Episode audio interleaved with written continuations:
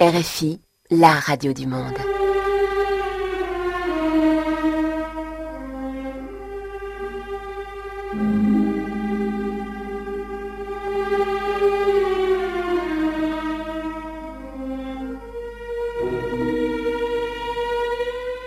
ចលនាខ្មែរកុម្មុយនីសដែលបានកកើតឡើងនៅក្នុងប្រទេសកម្ពុជា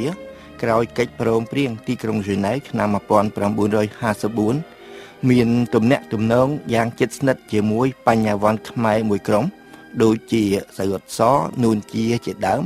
ព្រមទាំងអ្នកតស៊ូប្រឆាំងនឹងបារាំងមួយចំនួន មានជាអាចទូសមុទ្រនិងសៀវហេងដែលមានខ្សែរយៈជាមួយអង្គការវៀតមិញប៉ុន្តែសៃអត់សមានទូនីតិសំខាន់ជាងគេ នៅពេលដែលសៃអត់សស្ថិតនៅប្រទេសបារាំងនៅចន្លោះឆ្នាំ1949 1953គេក៏មានទំនាក់ទំនងជាមួយបញ្ញវន្តខ្មែរធំធំមួយចំនួនដែរនៅឆ្នាំ1949សៅរត់សធ្វើដំណើរទៅប្រទេសបារាំងតាមកប៉ៅមួយឈ្មោះ Jamaica ជាមួយនិស្សិតខ្មែរចំនួន21នាក់នេះបើយោងទៅតាមឯកសាររបស់លោក David Chandler ដែលមានចំណងជើងថា Pol Pot frère numéro 1ឬ Pol Pot បងទី1 ឯកសារនេះបានបញ្ជាក់ថានៅពេលធ្វើដំណើរជិត1ខែសៃរតសបានពង្រឹងមិត្តភាពរបស់គេជាមួយខ្មែរ4រូបគឺចៅសេងមីម៉ាន់មីផាតនិងអ៊ុចវ៉ែនពេលស្នាក់អាស្រ័យនៅប្រទេសបារាំង ក្រៅពីគ្រូឧបជាធំធំ ដូចជាលោកកេងវណ្ណស័កនិងលោកជួនមុំជាដើមសៃវុតសបានជួបនឹងនារីបញ្ញវន្តខ្មែរម្នាក់គឺខៀវប៉ុននារី នៅឆ្នាំ1951ក្រោយមកខៀវប៉ុននារីបានក្លាយទៅជាភរិយារបស់សៃវុតសខៀវប៉ុននារីមកប្រទេសបារាំងជាមួយប្អូនស្រីម្នាក់ឈ្មោះខៀវធីរិតដែលនៅឆ្នាំ1951នោះបានរៀបការជាមួយអៀងសារី នៅឆ្នាំ1951នោះនៅប្រទេសបារាំងដដែលបើយោងទៅតាមការស្រាវជ្រាវរបស់ប្រវត្តិវិទូ David Chandler អៀងសារីនិងរដ្ឋសមឿនបានបង្កើតក្រុមនយោបាយមួយក្រុមនេះតែងតែបើកអង្គប្រជុំជារឿយៗប៉ុន្តែមិនស្ថិតនៅក្នុងក្របខ័ណ្ឌនៃគណៈបកកុម្មុយនីសបារាំងទេ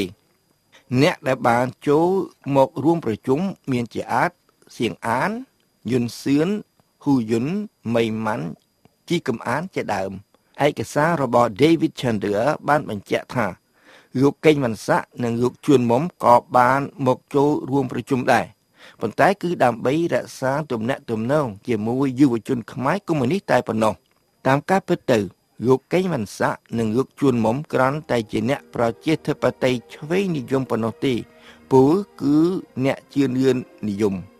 លោកកេងវណ្ណស័កដែលប្រឆាំងនឹងរបបរាជានិយមចង់ធ្វើការតស៊ូវាយរំលំរបបរាជានិយមតាមរយៈការតស៊ូក្នុងគណៈបកប្រជាធិបតេយ្យតែប៉ុណ្ណោះ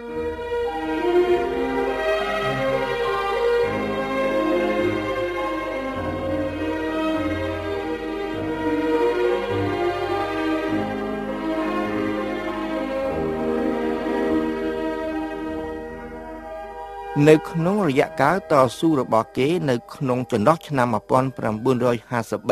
1960គឺបន្ទាប់ពីពេលដែលសយុទ្ធសបានត្រឡប់មកស្រុកខ្មែរវិញចៅកណាកុម្មុយនីសខ្មែរបានកំណត់យកយុទ្ធសាស្ត្រមួយយ៉ាងសាមញ្ញប៉ុន្តែក៏ប្រកបទៅដោយគ្រោះថ្នាក់ដែរគឺអូសទាញបញ្ញជន និងវរៈជនសំខាន់សំខាន់ឲ្យចូលទៅក្នុងចៅកណារបស់គេ អ្នកដែលបានស្គាល់ពពតនៅពេលនោះ ពុំដែលនឹកស្មានឃើញម្ដងណាហើយថាសៅរត់សមានគំនិតបដិវត្តដាច់ខាតនិយមបែបនេះសោះព្រោះសៅរត់សជាមនុស្សម្នាក់ស្លូតបូតហើយឆោតងងផងទៀត